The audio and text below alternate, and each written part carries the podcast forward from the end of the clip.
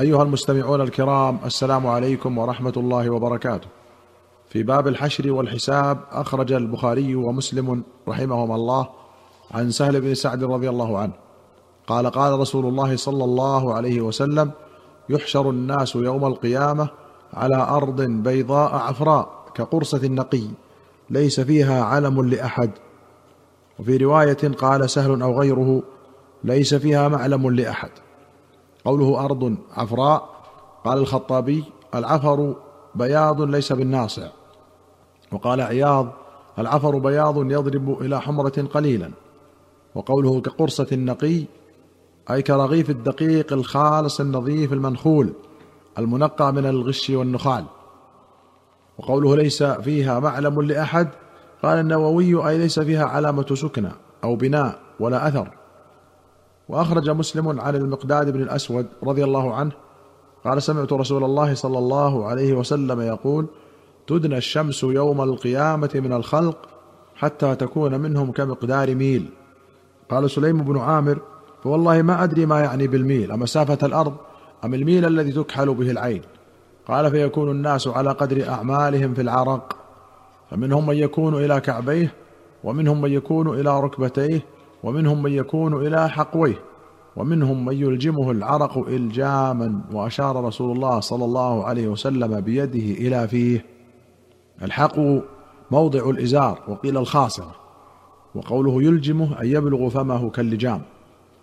وأخرج الشيخان عن أبي هريرة رضي الله عنه أن رسول الله صلى الله عليه وسلم قال يعرق الناس يوم القيامة حتى يذهب عرقهم في الأرض سبعين ذراعا.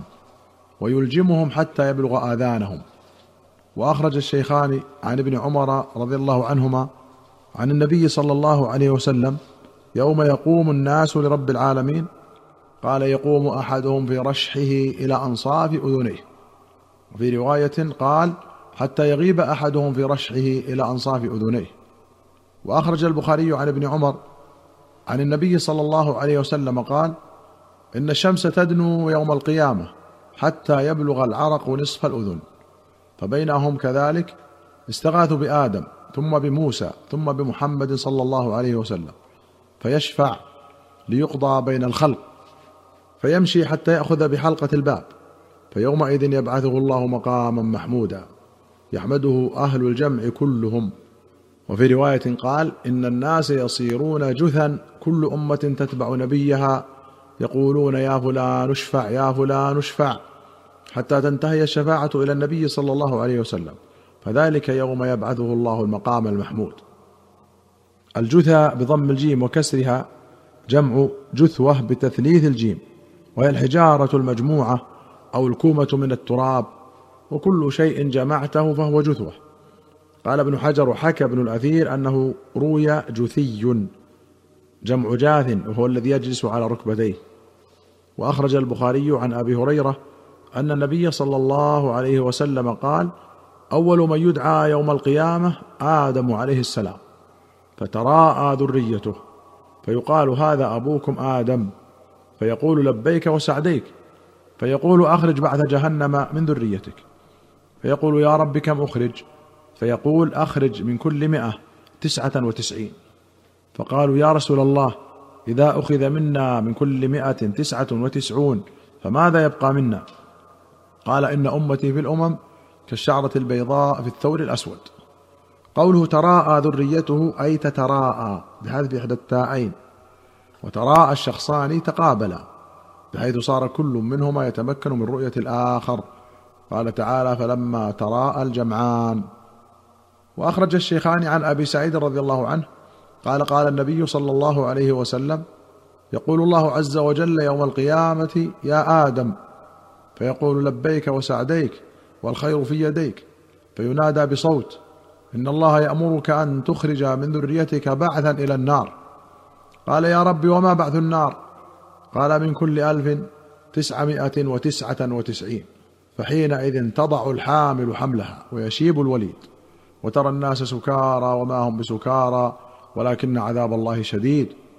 فشق ذلك على الناس حتى تغيرت وجوههم. قالوا يا رسول الله أينا ذلك الرجل؟ فقال رسول الله صلى الله عليه وسلم من يأجوج ومأجوج تسعمائة وتسعة وتسعون ومنكم واحد. وفي رواية قال أبشروا فإن من يأجوج ومأجوج ألفا ومنكم رجل. ثم أنتم في الناس كالشعرة السوداء في جنب الثور الأبيض. أو كالشعرة البيضاء في جنب الثور الأسود وفي رواية أو كالرقمة في ذراع الحمار. وإني لأرجو أن تكونوا ربع أهل الجنة. قال فكبرنا ثم قال ثلث أهل الجنة. فكبرنا ثم قال شطر أهل الجنة. فكبرنا. الرقمة الهنة الناتئة في ذراع الدابة وهما رقمتان في ذراعيها لا تنبتان الشعر. وأخرج الشيخان عن أنس رضي الله عنه قال حدثنا محمد صلى الله عليه وسلم. قال إذا كان يوم القيامة ماج الناس بعضهم إلى بعض فيأتون آدم فيقولون اشفع لذريتك فيقول لست لها ولكن عليكم بإبراهيم فإنه خليل الله.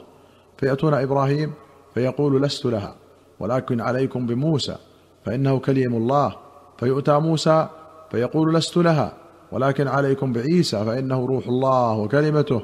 فيؤتى عيسى فيقول لست لها ولكن عليكم بمحمد.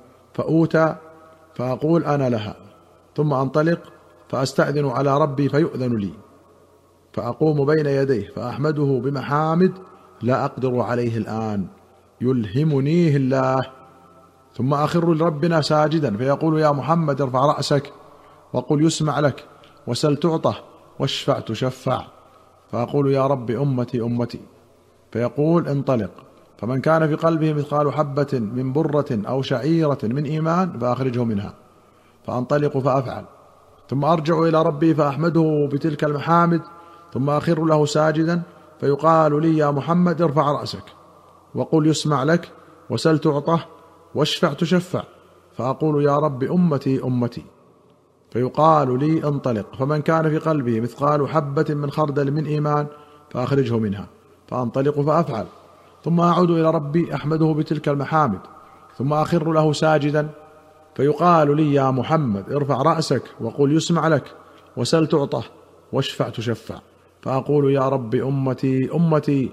فيقال لي انطلق فمن كان في قلبه أدنى أدنى أدنى من مثقال حبة من خردل من إيمان فأخرجه من النار فأنطلق فأفعل. قال ثم أرجع إلى ربي في الرابعة فأحمده بتلك المحامد ثم أخر له ساجدا فيقال لي يا محمد ارفع رأسك وقل يسمع لك. وسل تعطى واشفع تشفع فأقول يا ربي إذن لي في من قال لا إله إلا الله. قال فليس ذلك لك. أو قال ليس ذلك إليك ولكن وعزتي وجلالي وكبريائي وعظمتي لأخرجن منها من قال لا إله إلا الله. أيها المستمعون الكرام إلى هنا نأتي إلى نهاية هذه الحلقة. حتى نلقاكم في حلقة قادمة إن شاء الله. نستودعكم الله. والسلام عليكم ورحمة الله وبركاته.